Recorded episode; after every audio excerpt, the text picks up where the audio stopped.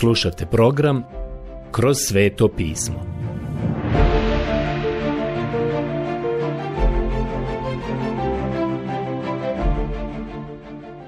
Knjiga Mudre izreke. Odlomak Mudre izreke, poglavlje 24. Prijatelji, sada smo u 24. poglavlju. Došli smo do posljednjeg poglavlja Solomonovih mudrih izreka koje je on lično napisao i sredio. A nakon ovoga ćemo imati izreke koje su uredili Ezekijini ljudi. Očigledno su i to bile Solomonove izreke jer ih je Ezekija napisao malo. A i od Solomonovih izreka mi imamo samo mali dio onih koje je on napisao. Ovo su ogromne istine koje su se iskristalisale kao rezultat promišljanja i iskustva. I sada su poput malog kompasa koji može usmjeravati naše živote ovdje dole na zemlji. Počinjemo sa čitanjem 24. poglavlja i dopustite mi da sada pročitam prvi i drugi stih. Ne zavidi zlim ljudima, ne želi da im budeš drug, jer o nasilju misli njihovo srce Njihove usne govore samo o zlu. Mudre izreke 24, do 2. Ovo je već bilo pred nama. Vidjet ćete da se u knjizi mudrih izreka ponavlja sve ono što je važno. To smo vidjeli u vezi nekoliko stvari. Na primjer, upozoreni smo na zloupotrebu jezika.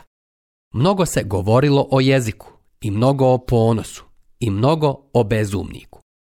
To su stvari koje se stalno naglašavaju i svakako su nam svima poznate iz života. Takve ljude srećete na ulicama ne samo u Njujorku, već i u vašem i u mom gradu. To je razlog zašto sam rekao da ćete moći da pronađete izreku koja će odgovarati svakoj osobi koju poznajete, kao i svakom od likova u Bibliji.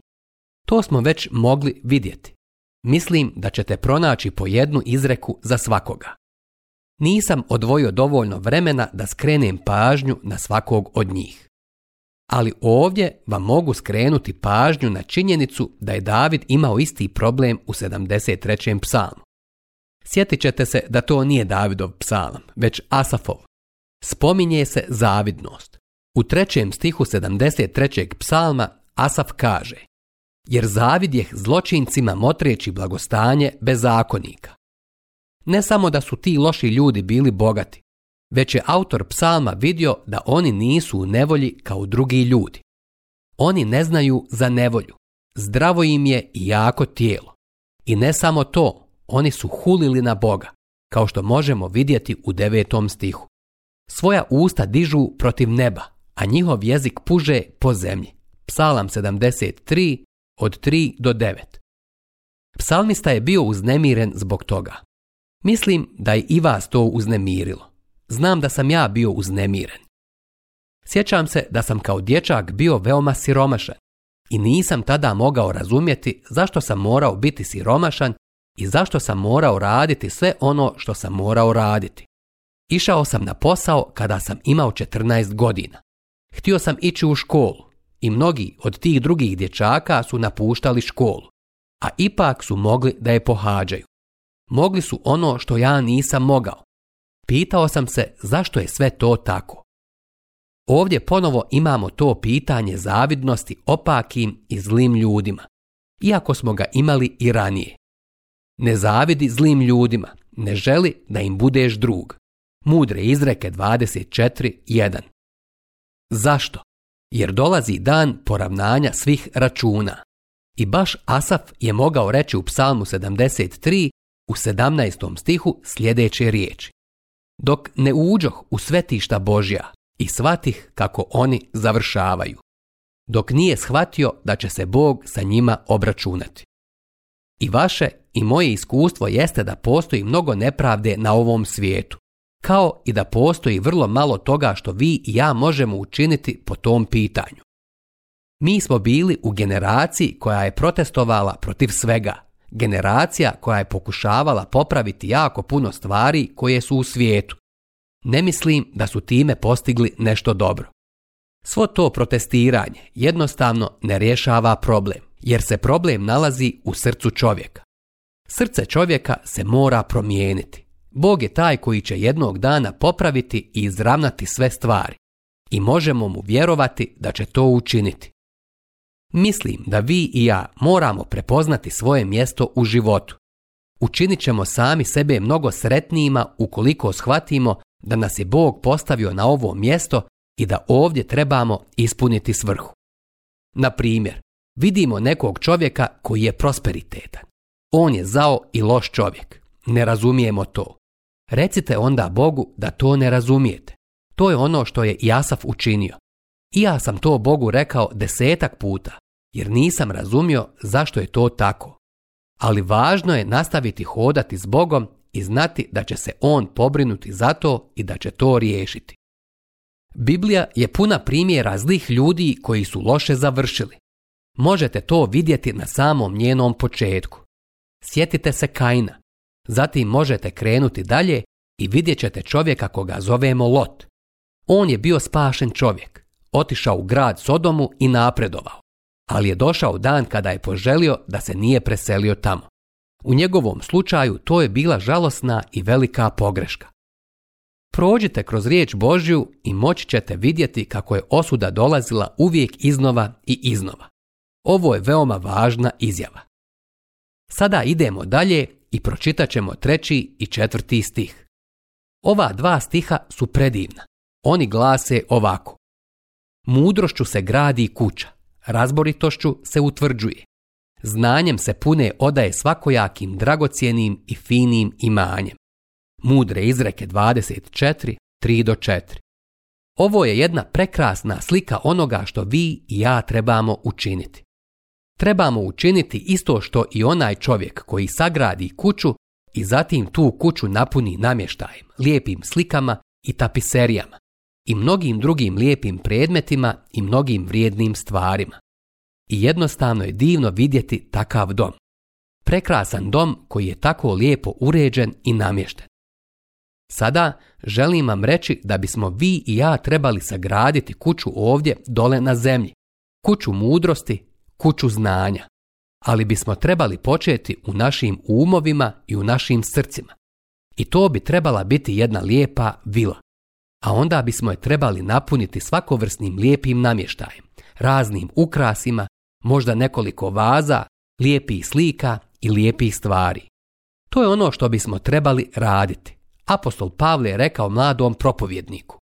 Pobrini se da se pokažeš prokušan pred Bogom kao radnik koji se nema čega stidjeti, koji pravo upravlja riječju istine. Druga poslanica Timoteju 2.15 to je ono što vi i ja trebamo učiniti ovdje dole na zemlji. Ispuniti naša srca i živote riječju Božjom. Izgradite lijep dom. Ispunite ga lijepim stvarima. Znate da je tragično vidjeti neke kolibe. Bio sam u Južnoj Americi i jedna misionarka me odvela u posjetu nekim porodicama. Mogu vam reći da su neki od njihovih domova bili ono što biste nazvali stračare, napravljeni od starih dasaka od kojih su neke propadale, jako oronula mjesta. A onda biste ušli unutra i tamo nije bilo mjesta za sjesti. Nisu imali ni stolicu.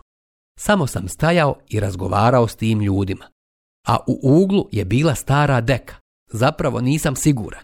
Izgledala je kao deka ili neka ovčija koža. Tu su spavali. Nije bilo kreveta. Kuhali su napolj. Ja sam pomislio kako je to tragično. Iskreno, bilo mi je muka tamo. Ova misionarka je navikla na to. Naravno, pa ona je godinama radila sa tim ljudima. Ona je vidjela to strašno siromaštvo, ali nije ništa mogla učiniti u vezi sa tim. Međutim, činila je čudesno djelo tamo među tim ljudima. Ali meni je bilo muka kada sam bio tada kod njih i kada god bih kasnije pomislio na siromaštvo tih ljudi tamo dole u Južnoj Americi i na ono u čemu su živjeli. Ali prijatelji, ovdje gore, u Sjevernoj Americi, poznaje mnogo kršćana koji su trebali provesti svoje živote gradeći jedan lijep dom. Mislim u duhovnom smislu. Trebali su ga napuniti svim vrstama divnog blaga iz riječi Božije, ali ipak kada ih sretnete, otkrijete da duhovno sve što oni imaju jeste samo mala koliba. A kada pogledate unutra, velika neimaština i veliko neznanje. Tamo nema ničega. Apsolutno je prazno i golo. Neki dan sam razgovarao sa jednom grupom propovjednika i oni su se složili sa mnom u vezi ovoga. Mislim da su najveća tragedija u našim crkvama neuki članovi crkve. Imaju samo praznu kuću, malu staru kolibu i ništa u njoj. To je tragedija današnjice. Mudrošću se gradi kuća. Mudre izreke 24.3 Neka nas gospod učini mudrima. Solomon nastavlja i kaže sljedeće. Mudri može više nego jaki, razboriti više nego vrlo krepki, jer mudrim mjerama ratovat ćeš uspješno i pobjeda je ondje gdje je radio veliki broj savjetnika. Mudre izreke 24, 5 do 6. Danas imate jako puno resursa i materijala. Postoji i mnogo ljudi kojima se danas možete obratiti, a i riječ Božja je dostupna. Ja ne vjerujem u tu metodu kada želite napraviti neku odluku, da onda samo otvorite Bibliju i nađete stih. To nije dobro. Riječ Božja nije rulet koji zavrtite i onda se nadate da će se zaustaviti na pravom mjestu. Ne, mogu vam reći, Ukoliko ste čitali o tome šta je Mojsije napisao i šta je Jošua napisao i šta je Samuel napisao i šta je David napisao i šta je Mihej napisao i šta je Zaharija napisao i šta je Matej napisao i šta je Pavle napisao i šta je Ivan napisao i imate sve to na raspolaganju, onda imate veoma dobre savjetnike. Možete im se obratiti u trenutku kada trebate napraviti neku odluku. Sada idemo dalje. Volio bih se zadržati i provesti neko vrijeme ovdje. Pročitat ću stih 10. Pokažeš li se slab kad ti je dobro, onda je tvoja snaga malena i u vrijeme nevolje. Mudre izreke 24.10. Drugim riječima, on ovdje govori nešto što je veoma važno, a to je jednostavno sljedeće. Potreban je muškarac da radi muški posao ili kao što ste možda već čuli poslovicu, nikada ne šaljite dječaka da radi muški posao. Nikada. Pokažeš li se slab kad ti je dobro, onda je tvoja snaga malena i u vrijeme nevolje. Vidite, potrebna su nam takva vremena pritiska, stresa i naprezanja. Vrijeme testiranja. To je način na koji Bog razvija naš duhovni karakter i to je način na koji nam omogućava rast. Upravo u takvim vremenima kušnje vi i ja imamo priliku da stvarno manifestujemo duhovnu snagu koju imamo. Velika je utjeha znati da su se mnogi božji ljudi, onda kada su se našli pod pritiskom i na testu, okrenuli i pobjegli. Sjećate se kada je Ilija bio veoma hrabar tamo na planini Karmel, ali mu je dojavljeno da ga Izabela traži i da će ga ubiti. Tada se on povukao, pobjegao je u pustinju. Kada je stigao do Beršebe, gdje je ostavio svoga slugu i nastavio dalje u pustinju, došao je ispod stabla smreke i rekao, gospode, pusti me da umre. Znate da je i David došao do jednog perioda u svome životu kada ga je Šaul toliko progonio da nije imao ni trenutka mira. Tada je rekao, gospode, love me kao jarebicu i jednog od narednih dana će me uhvatiti i jednog od narednih dana bit ću ubijen. David je postao malodušan. Ali oba ova čovjeka u tom času su shvatila da će ih gospod ojačati. I gospod je to i učinio. Ovo je vrlo važna izreka. Pročitat ćemo sada stihove 11 i 12. Izbavljaj one koje vuku u smrt. Oslobodi one koje vode da ih pogube. Budeš li htio reći, nismo zato ništa znali. Zaista, onaj koji ispituje srca, to vidi i koji motri tvoju dušu, to zna. On plaća čovjeku po njegovim dijelima. Mudre izreke 2411 do 12. Postoje neki kojima možete pomoći i vi to znate. I vi biste im mogli pomoći. I mnogo je ljudi koji bi mogli to da potvrde i posvjedoče. Nedavno sam razgovarao sa jednim muškarcem osjeća se kao da je odgovoran za samoubistvo voljene osobe. Rekao je, znao sam da sam trebao nešto učiniti. Trebao je, ali nije ništa učinio. A Bog je taj koji proniče srce čovjeka koji je zanemario učiniti nešto u vrijeme kada je to trebao učiniti. Ali toga sada više nema i sve što se može učiniti jeste reći takvoj osobi sljedeće riječi. Sve što možeš učiniti jeste da odeš gospodu i da mu kažeš Gospode, ti znaš da ja sada znam da si znao moj položaj i šta je trebalo da uradim u to vrijeme. Ali ja to nisam uspio i došao sam sada k tebi da me ojačaš i pomogneš mi. Ja sam siguran da bi Bog to i učinio. Kako bi to bilo divno i spasilo bi čovjeka da ne bude preplavljen tugom, jer ne bi trebao biti preopterećen onim što je propustio da učini u prošlosti. Molim vas da sada obratite pažnju na 16. stih. Sada samo izdvajam neke jako dobre stihove. U 16. stihu piše sljedeće. Jer sedam puta padne pravednik i opet ustane, a bezbožnici propadaju u nesreći. Mudre izreke 24.16. Jer sedam puta padne pravednik i opet ustane.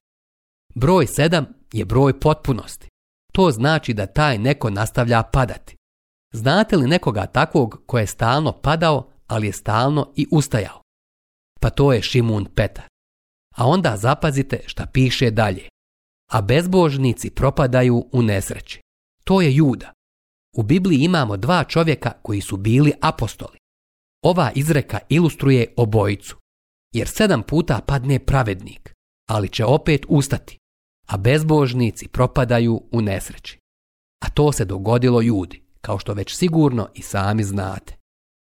Ali Šimun Petar, on je neprestano padao. Mi naglašavamo činjenicu da je on potonuo kada je hodao po vodi. Sjećate se toga? E, Šimun Petar je tu zakazao.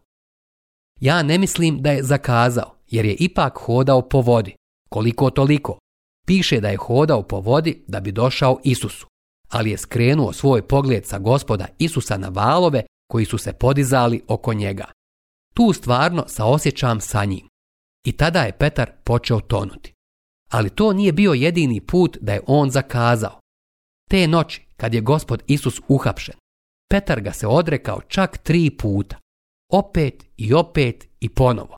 Ovaj čovjek je iznevjerio gospoda, ali uvijek bi ustao i nastavio dalje. Kad sam bio pastor ovdje u Pasadeni, jedan čovjek mi je rekao Znaš, toliko puta sam pao da se stidim vratiti se gospodu i ponovo mu reći da nisam uspio i da želim početi iz početka. Rekao sam, možda se ti stidiš, ali gospod se ne stidi. Spreman je ponovo da prihvati i pokrene.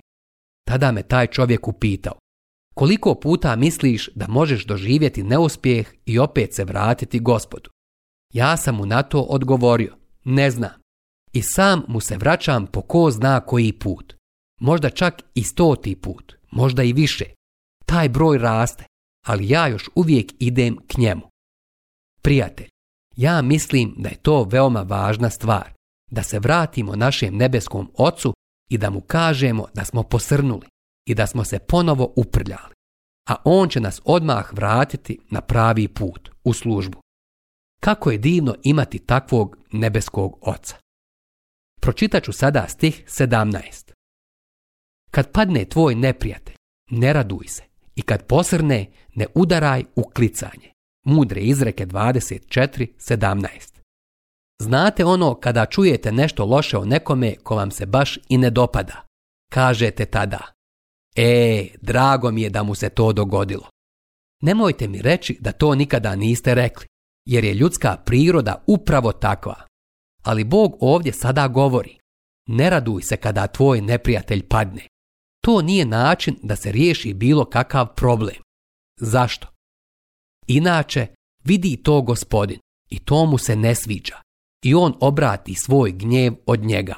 Mudre izreke 24.18 Gospod se može okrenuti i početi da uzdiže čovjeka koji vam je neprijatelj onda ćete vi sami postati mizerni i jadni.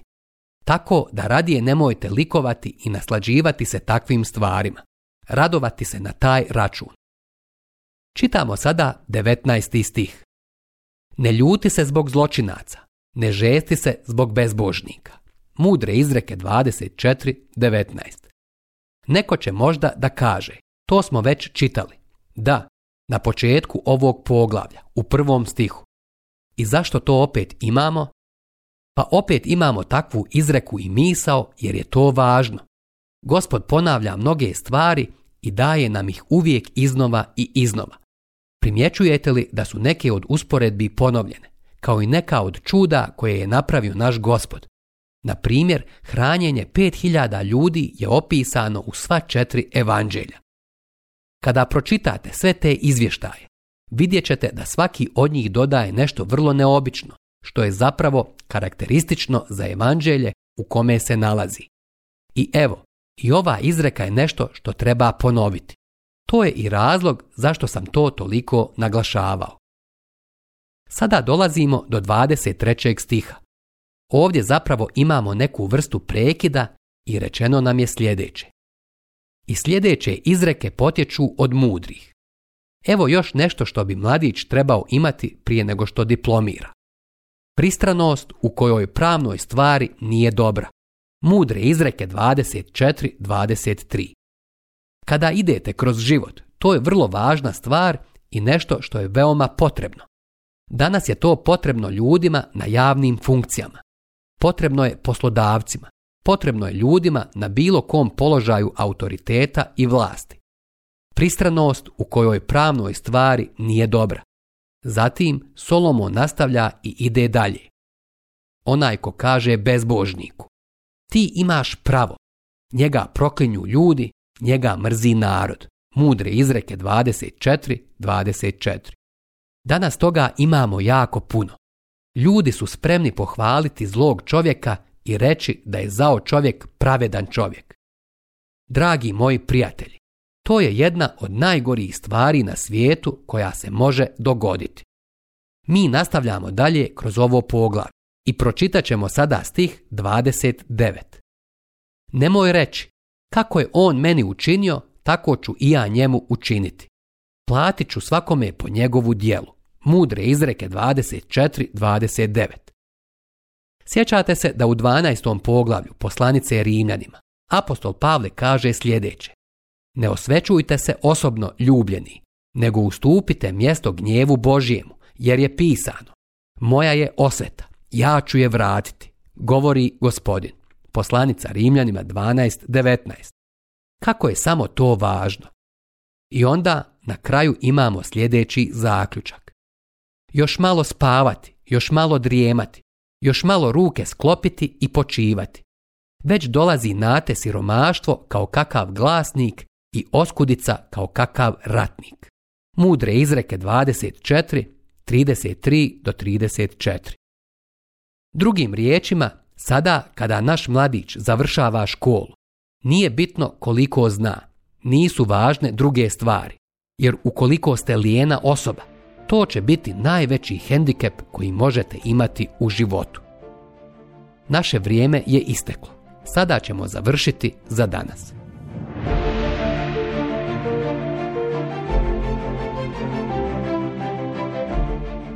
Slušali ste emisiju Kroz sveto pismo. Možete nas slušati i na našem YouTube kanalu, putem mobilne aplikacije, te na svim glavnim podcast platformama kao što su Google, Apple i Spotify. Ako vam se naši programi dopadaju, preporučite ih i podijelite s drugima. Budite slobodni da ostavite svoj komentar ili nam pišite na našu e-mail adresu kroz sveto at gmail.com Zapratite našu stranicu kroz sveto pismo BiH na Facebooku i na Instagramu. Emisije iz ove serije možete pronaći na našoj stranici ttb.twr.org.